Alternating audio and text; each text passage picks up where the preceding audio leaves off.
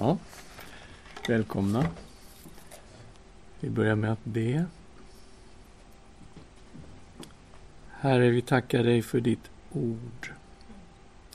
Ditt ord är mina fötters lykta och ett ljus på min stig. Så Herre, lys med ditt ord och led oss, Herre, på din stig när vi vandrar genom livet. Och tack för Nya Testamentet, Herre. Hjälp oss, Fader, att få ett helhetsgrepp över Nya Testamentet. I Jesu namn. Amen. Ja, det här är ju en introduktion till Nya Testamentet, en översiktskurs över Nya Testamentet. Så att det betyder att vi kan inte gå in i böckerna i så djup detalj som vi gör när vi gör bokstudier och så. Och vi kommer att titta på den sista boken i Bibeln idag. Vill man ha ett djupare studium över Uppenbarelseboken så kan man ju gå in på bibelstudium.org och gå in på bibelböcker och sen ner till Uppenbarelseboken. Och där ligger ju hela det studiet, både kompendium då i pdf men också filer. Ligger ju där, ljudfiler. Så, vi tittar lite på bakgrunden till Uppenbarelseboken.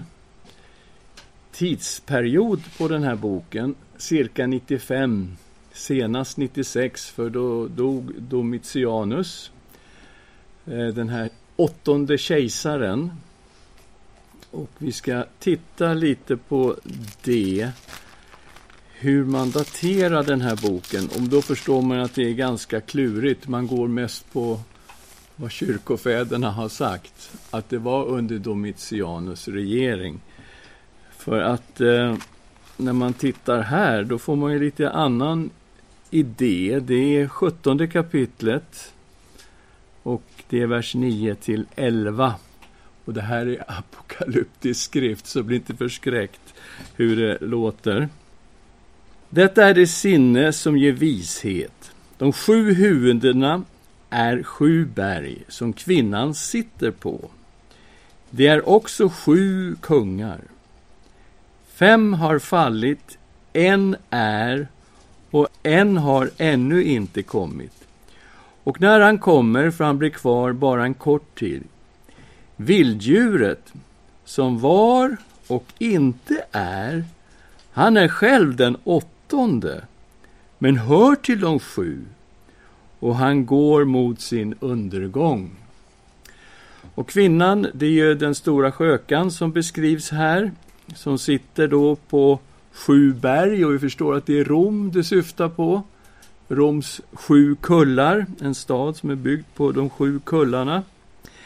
Det handlar om kungar, okej. Okay. Fem har fallit, bra. Fem kejsare har fallit.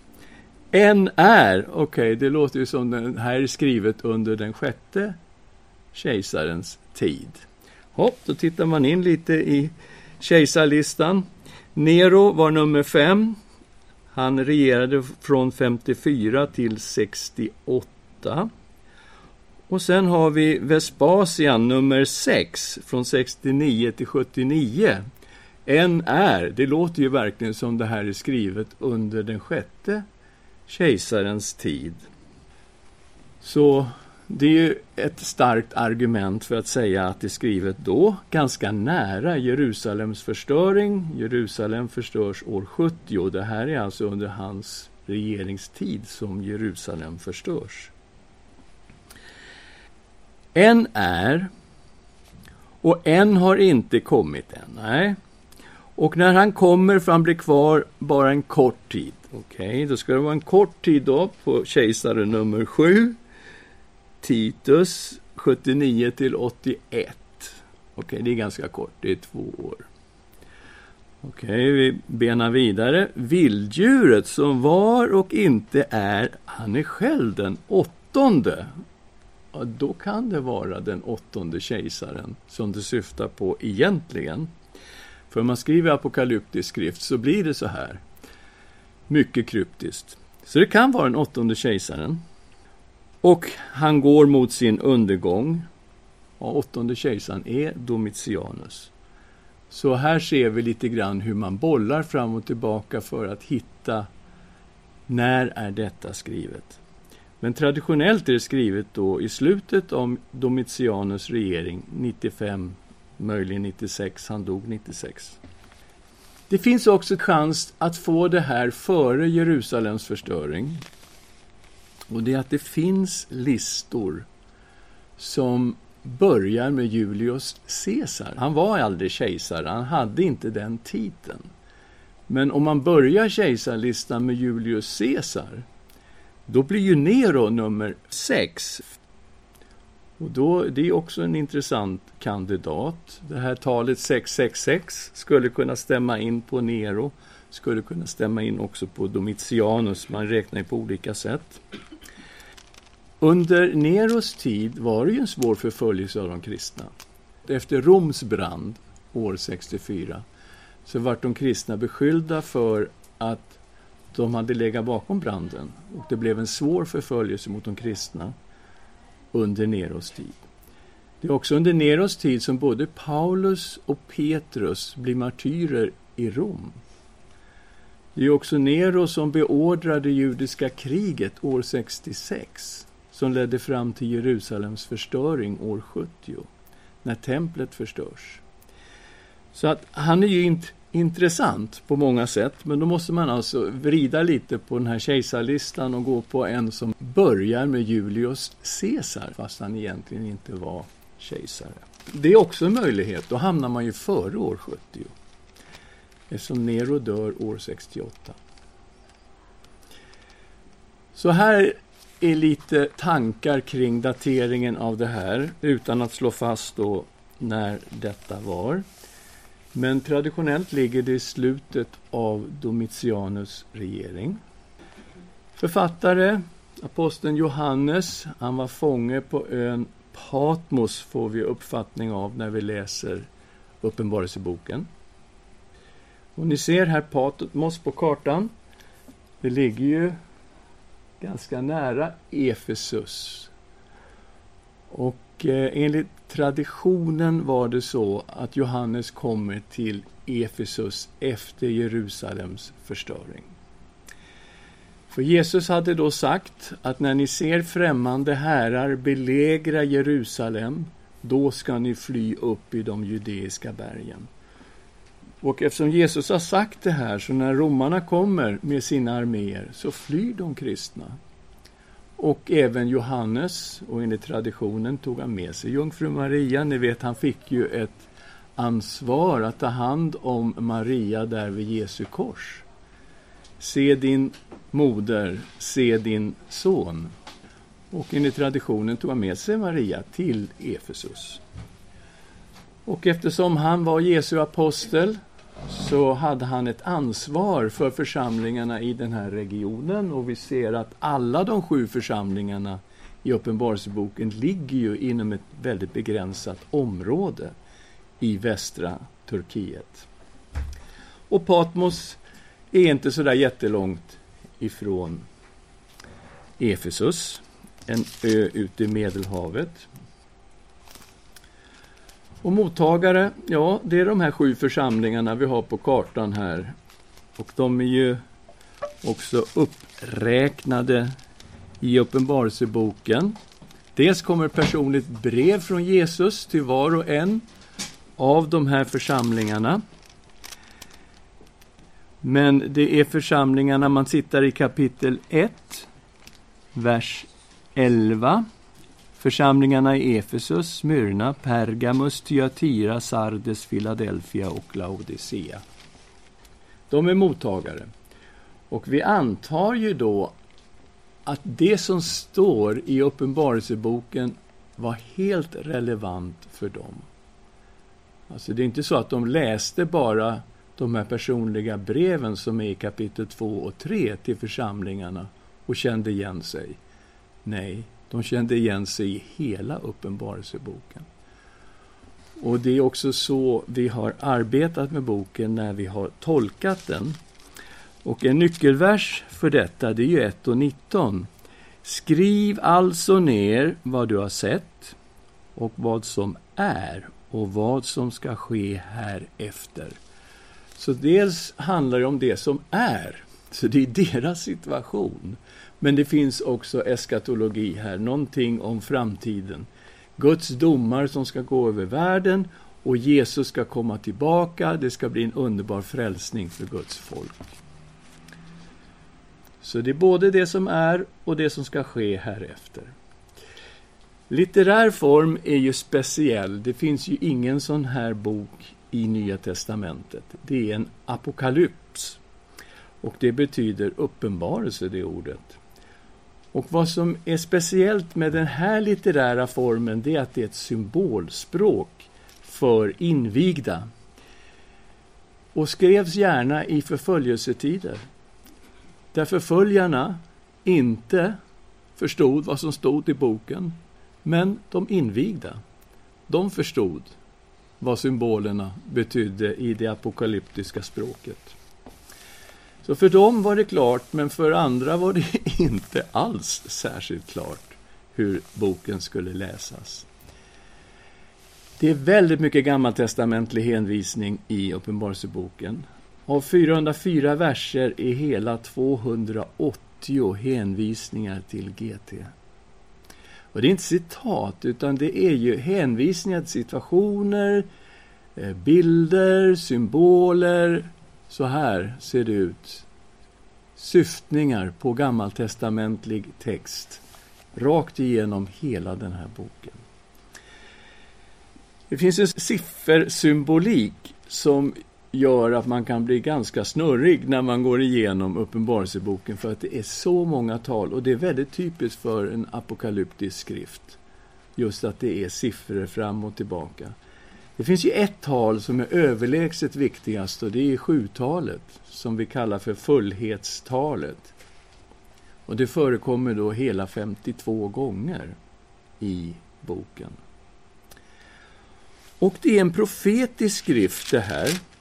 För den gör anspråk på att vara det. I 1 och 3 läser vi.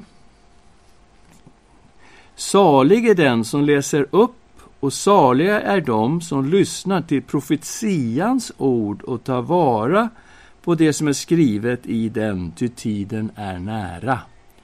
Och vi läste ju 1 och 19 vad som är och vad som kommer att ske. Så det finns profetia i den här boken. Och i 4.1, när vi går in i de himmelska scenerna, så är det ju en öppen dörr in i himlen. Och det är en röst som först talade till mig som en basun, det är alltså Jesus.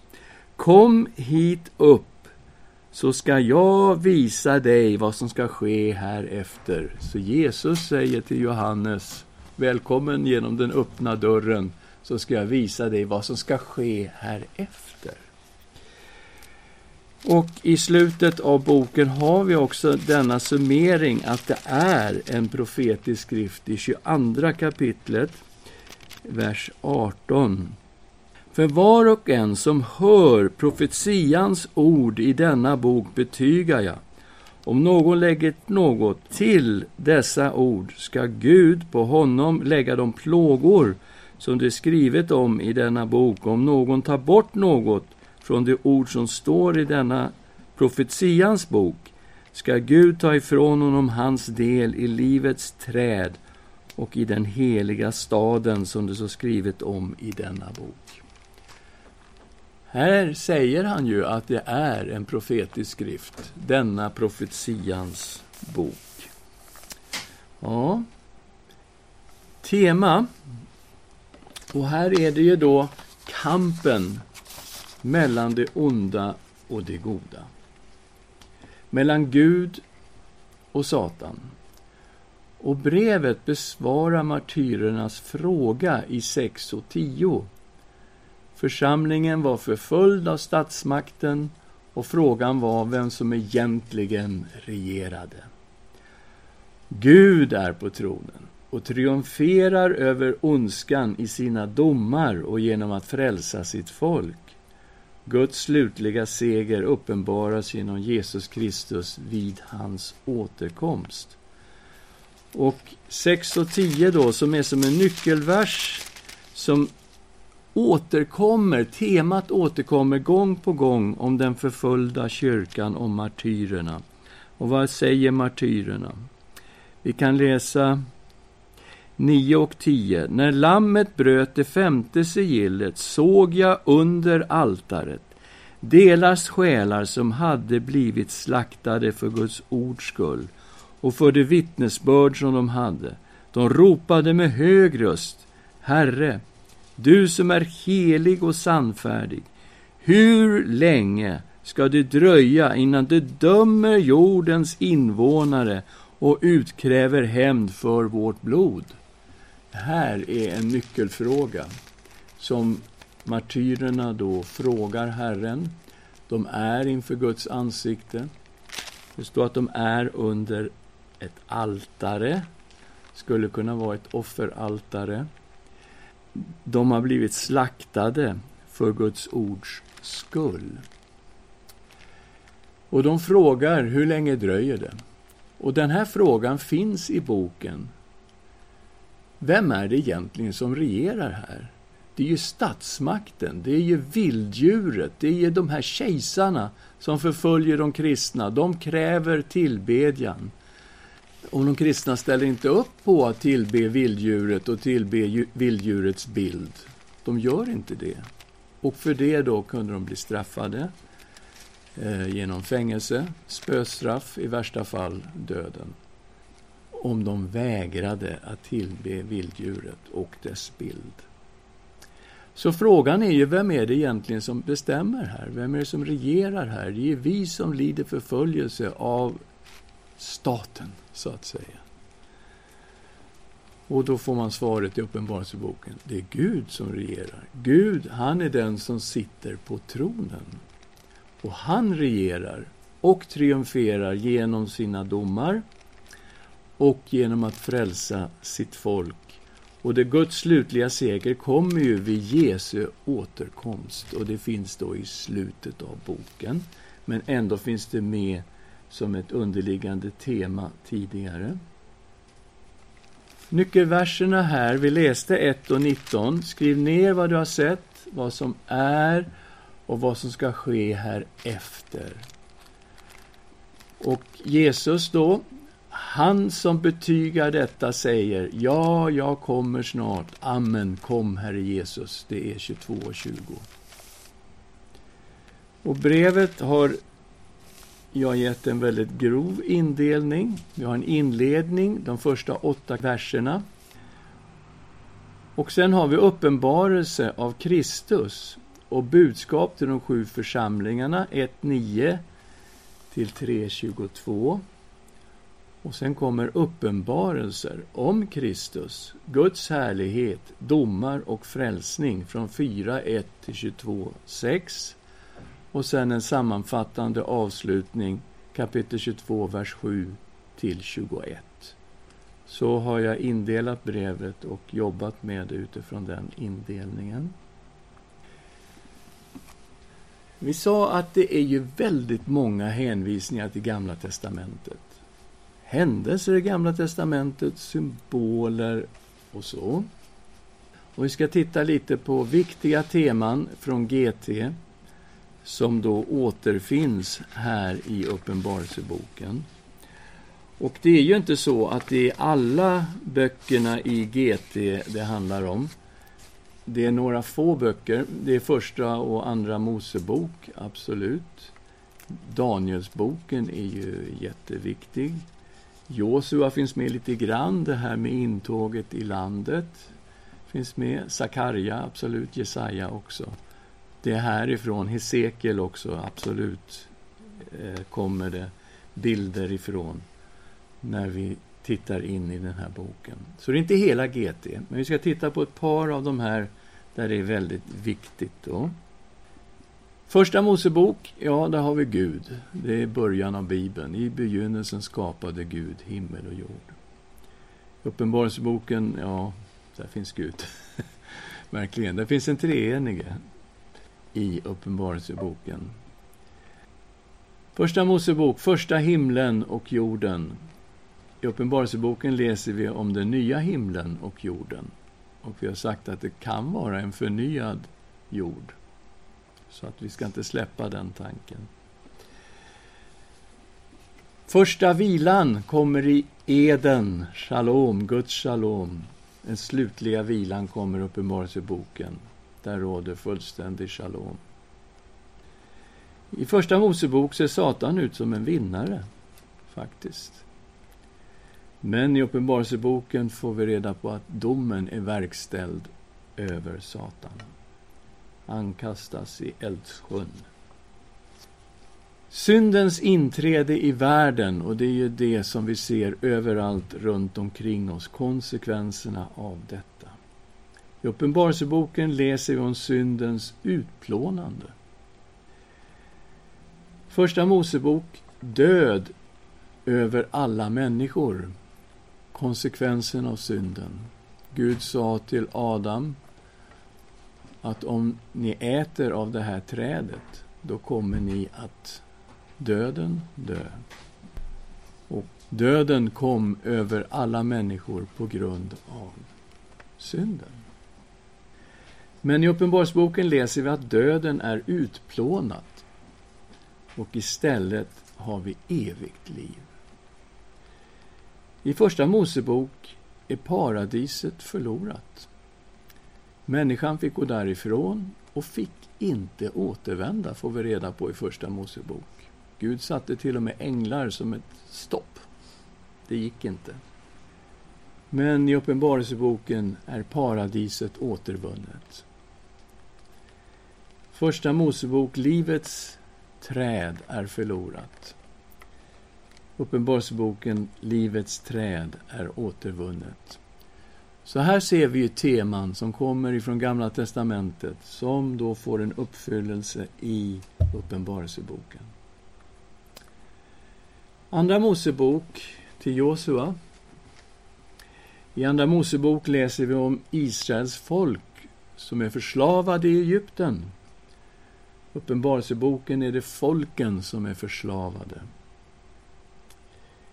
I Andra Mosebok läser vi om Guds befrielse genom Mose.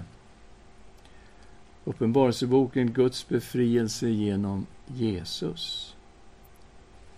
Andra Mosebok, Guds domar som går fram över Egypten. Uppenbarelseboken, Guds domar över världen.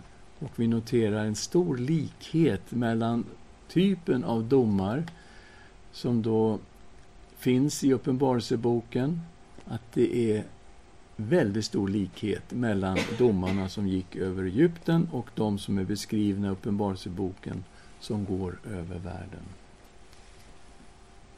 Folket befrias från slaveri i Andra Mosebok. Och i Uppenbarelseboken har vi Guds frälsning genom Jesus. Andra Mosebok ett rike av präster. Uppenbarelseboken ett rike av präster. Andra Mosebok en jordisk helgedom. Och det är tabernaklet som Mose då fick uppdrag att bygga. Men i Uppenbarelseboken har vi en himmelsk helgedom.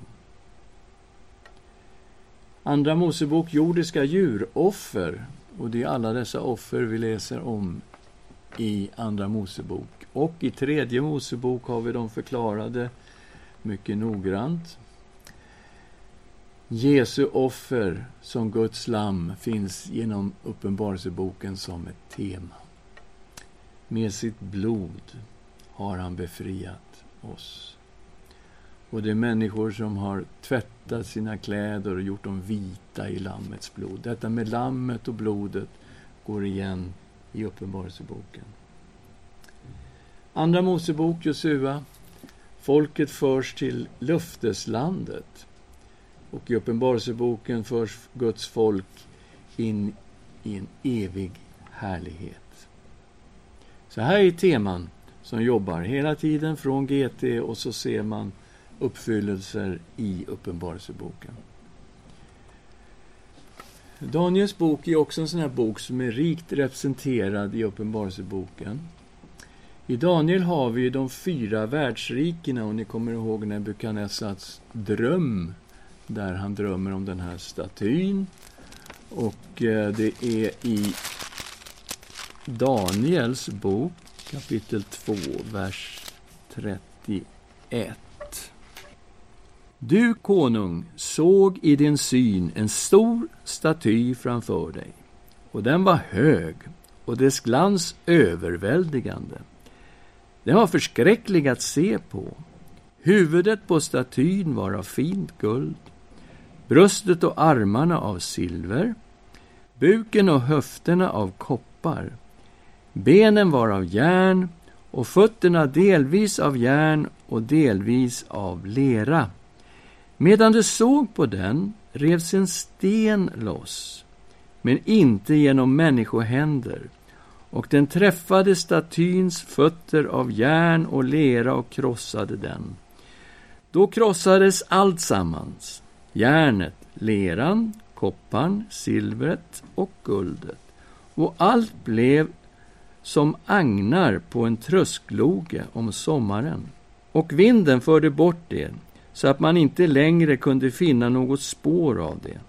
Men stenen som träffat statyn blev till ett stort berg som uppfyllde hela jorden. Vilken fantastisk eh, dröm han fick, Nebukadnessar, och det var ju då ingen som visste vad den här drömmen var.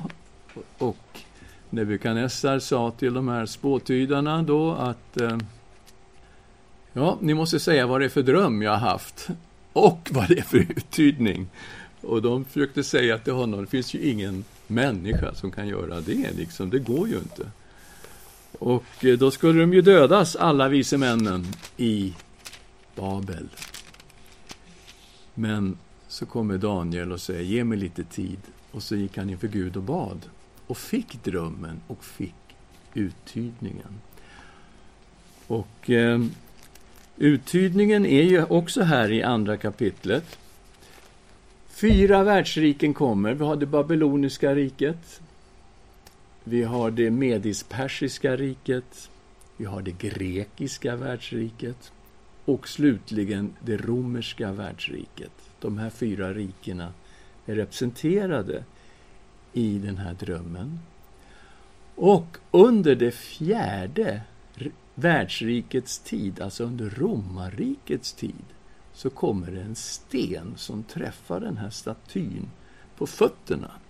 Och hela statyn brakar ihop och istället växer den här stenen till ett stort berg som uppfyller hela världen. Och Daniel berättar det här, det är Guds rike. Och Guds rike kommer in i världen under det fjärde världsrikets tid. Och det kommer att växa över hela världen. Så det har vi där i Daniel 2.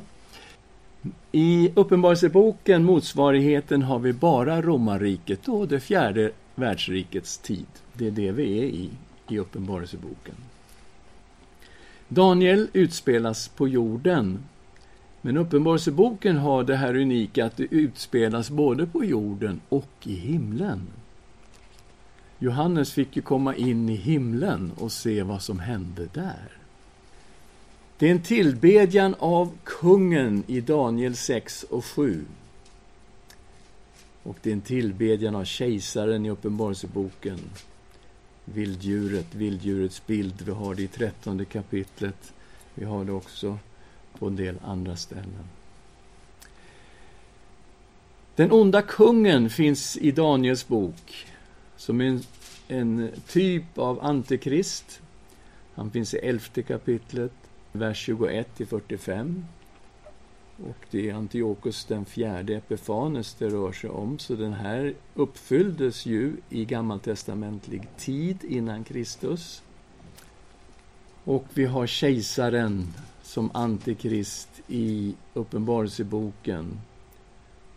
Och det är kapitel 13, vers 3-6.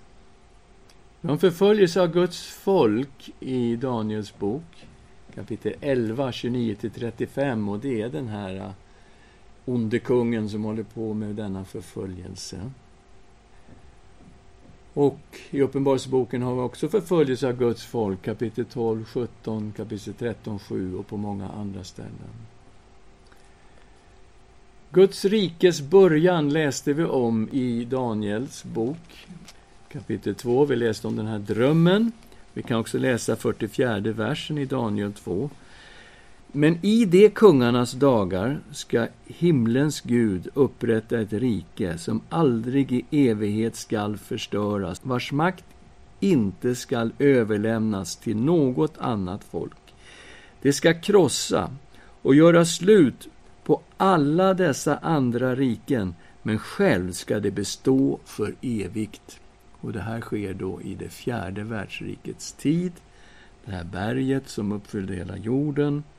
Det är alltså Guds rike och det är ett evigt rike. Kommer aldrig att ta slut. Och i Uppenbarelseboken har vi då Guds fullkomliga rike. Vi reser om till kapitel 21 och kapitel 22.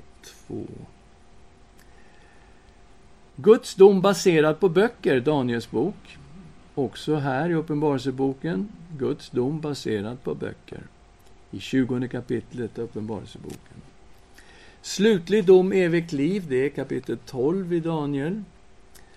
Slutlig dom, evigt liv, kapitel 20. 11 till 21, 8.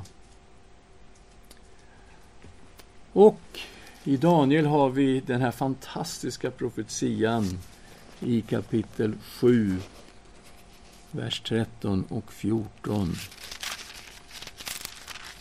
Om Människosonen som Jesus syftade till gång på gång när han kallade sig själv för Människosonen. I min syn om natten såg jag en som liknade en människoson kom med himlens skyar. Och han närmade sig den gamle av dagar och fördes fram inför honom. Åt honom gavs makt och ära och rike, och alla folk och stammar och språk måste tjäna honom. Hans välde är ett evigt välde som inte ska ta slut, och hans rike skall inte förstöras. Här har vi en, Människosonen, som kommer på himlens skyar inför Gud. Fadern. Och han får då makt över alla folk och han får ett rike, ett evigt rike som aldrig tar slut. Också då i Uppenbarelseboken har vi Kristus som kommer på skyarna, kapitel 1, vers 7 och 8. Människosonen får makt över folken i Daniels bok, det läste vi just. Kristus regerar över folken, 1 och 5 och 19, 16. Och Daniel får också uppdraget att försegla profetian för framtiden, 12 och 4 i Daniels bok. Men här står det uttryckligen i Uppenbarelseboken 22 och 10, försegla inte profetian. Så detta kommer att gå i uppfyllelse. Nu är tiderna inne. Nu har vi ju ont om tid, ser jag här. Trevligt med bibelstudier. Tiden går.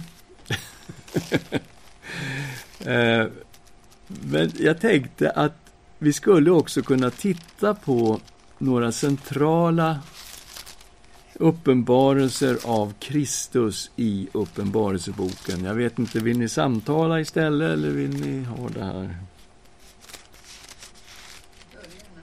Ni hör gärna? Ja. Okej. Okay. Så, grunduppenbarelsen kommer redan i första kapitlet. Johannes, han är på ön Patmos. Han kommer i hänryckning på Herrens dag. Och bakom sig hör han en röst som låter som en basun. Och han vänder sig om och så ser han en människoson, han ser Människosonen. Och han, han går omkring bland sju ljusstakar. Och det är de här sju församlingarna som Kristus går omkring ibland. Han håller sju stjärnor i sin högra hand.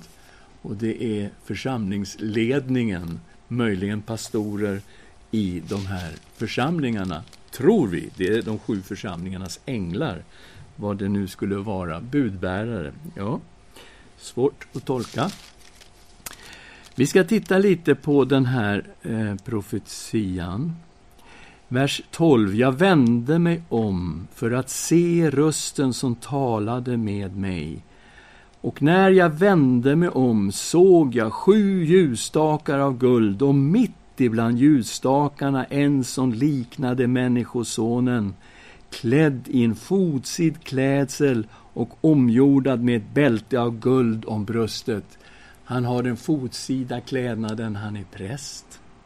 Men han har också kungavärdigheten. Han har ett guldbälte om bröstet. Han är både kung och präst, den här personen. Hans huvud och hår var som vitt av vit ull och det talar om hans vishet. Vit ull som snö. Hans ögon var som eldslågor. Han är ren i sin blick, men han ser också allting. Och det förstår vi när vi sen läser om brevet till var och en av de sju församlingarna. Han ser precis vad som händer i de här församlingarna. Hans fötter liknade skinande malm som glöder i smältugnen. Jag vet inte vad det symboliserar. Och hans röst lät som dånet av väldiga vatten. Alltså en auktoritet i hans röst som är helt unik och enastående. I sin högra hand höll han sju stjärnor. Det var alltså, vi tror, församlingsledningen. Och ur hans mun gick ett tveeggat skarpt svärd. Och det här är auktoriteten i Jesu ord. Ur hans mun kommer svärdet och vet att Paulus använder det här, att Guds ord är Andens svärd. Så det här är auktoriteten och kraften i Jesu ord. Och hans ansikte lyste som solen när den skiner i all sin kraft. Alltså härligheten, Guds härlighet, den som Paulus såg på vägen till Damaskus. Han får ju ett ljussken i ögonen som är så starkt så att han blir blind och slås till marken av denna uppenbarelse. Och här är det alltså Kristi ansikte lyser som solen när jag såg honom följa ner som död för hans fötter. Och han la sin högra hand på mig och sa, var inte förskräckt. Jag är den förste och den siste. Och här använder han orden som gäller bara Jahve. Jag är.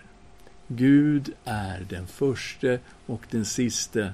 Och den som orkar tänka tanken så är han det samtidigt. Han är den förste och den siste samtidigt. Hans namn är Jag är.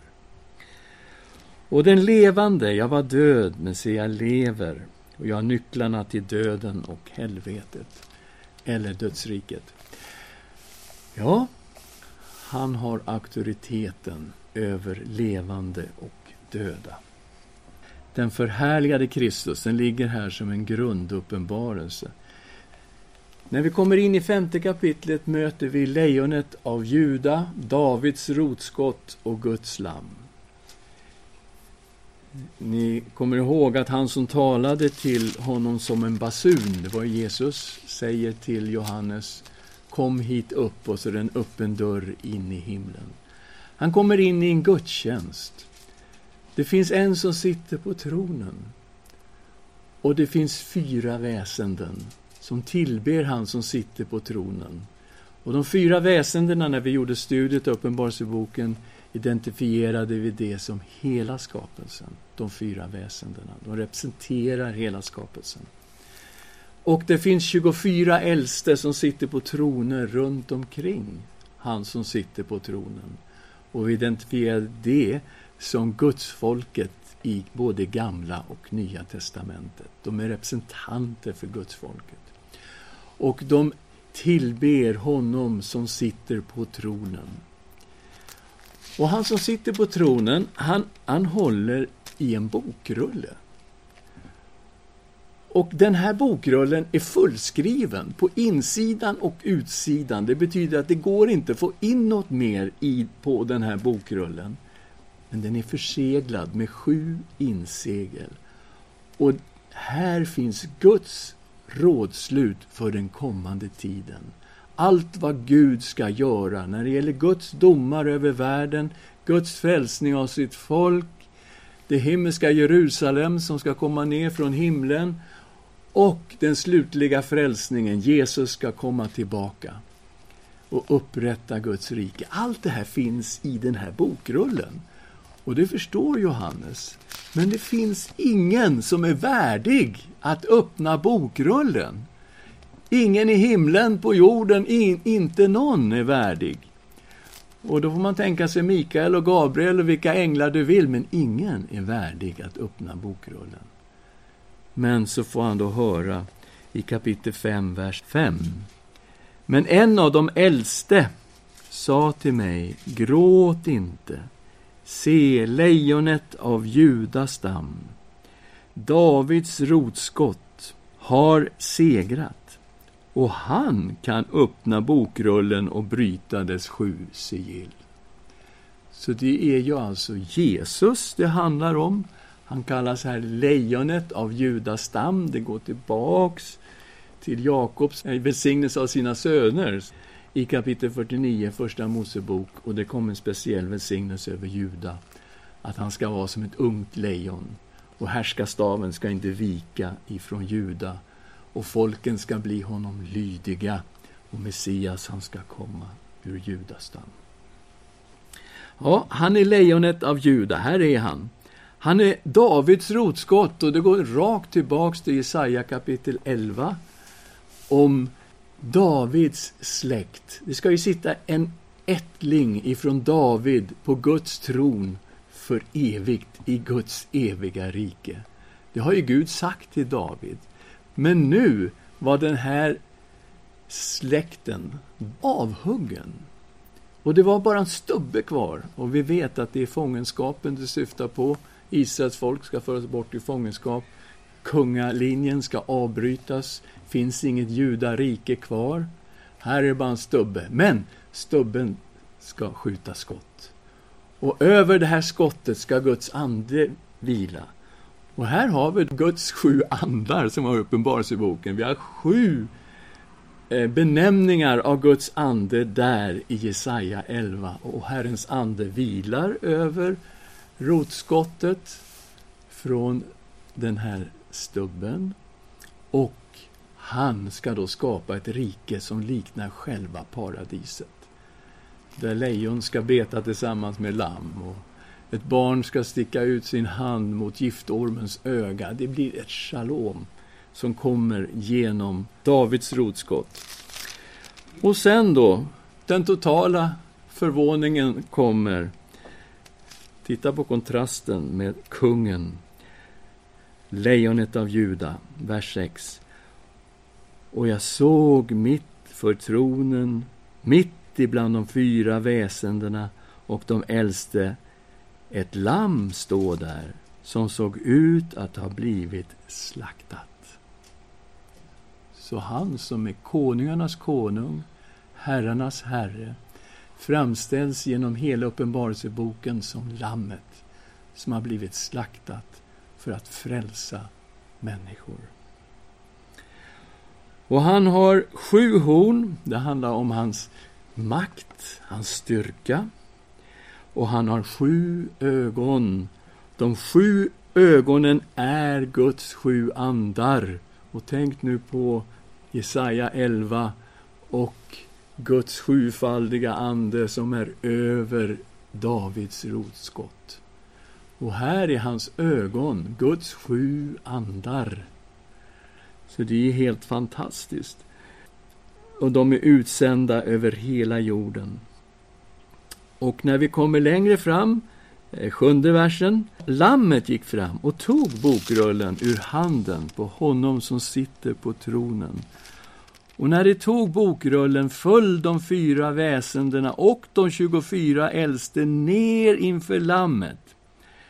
De hade var och en sin harpa och skålar av guld fulla av rökelse, det är de heligas böner. Och här kommer alltså en tillbedjan av Lammet och honom som sitter på tronen.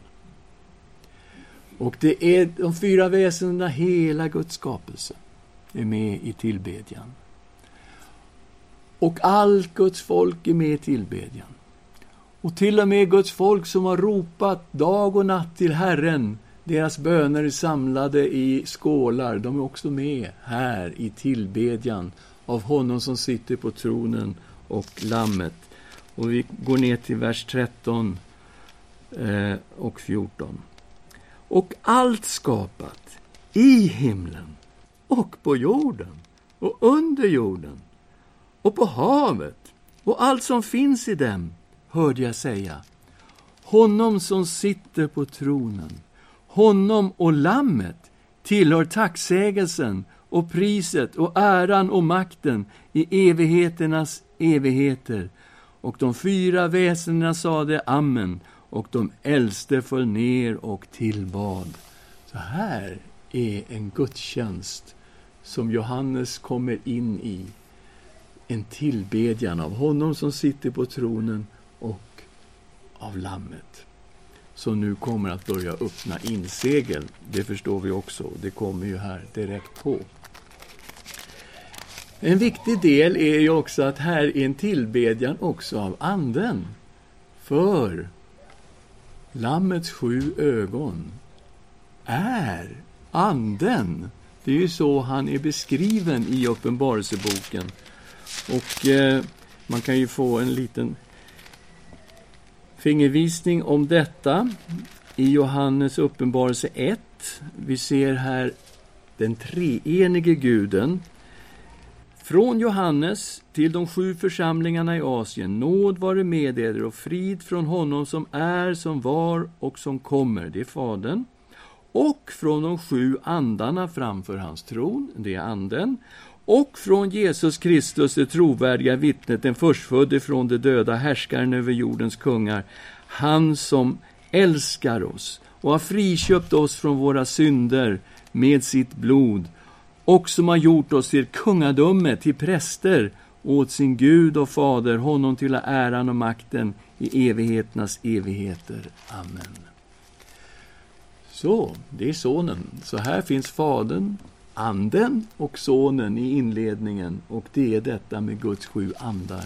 Och Lammet är fylld av Guds ande, hans ögon är Anden. Ehm, tiden, ja. Just det. Jag vill säga någonting då när vi ändå talar om Kristus i Uppenbarelseboken. Hans gudom finns också med. Hans mandom är ju väldigt tydlig. Han är det slaktade lammet. Men hans gudom finns med. Och det är ju detta anspråk som han gör. Vi går direkt bort till 22 kapitlet, läser vers 12. Se, jag kommer snart, och jag har min lön med mig för att ge åt var och en efter hans gärningar. Jag är A och O, den förste och den siste, begynnelsen och änden. Och det här är precis de ord som används om Fadern i Uppenbarelseboken. Samma ord använder Jesus om sig själv.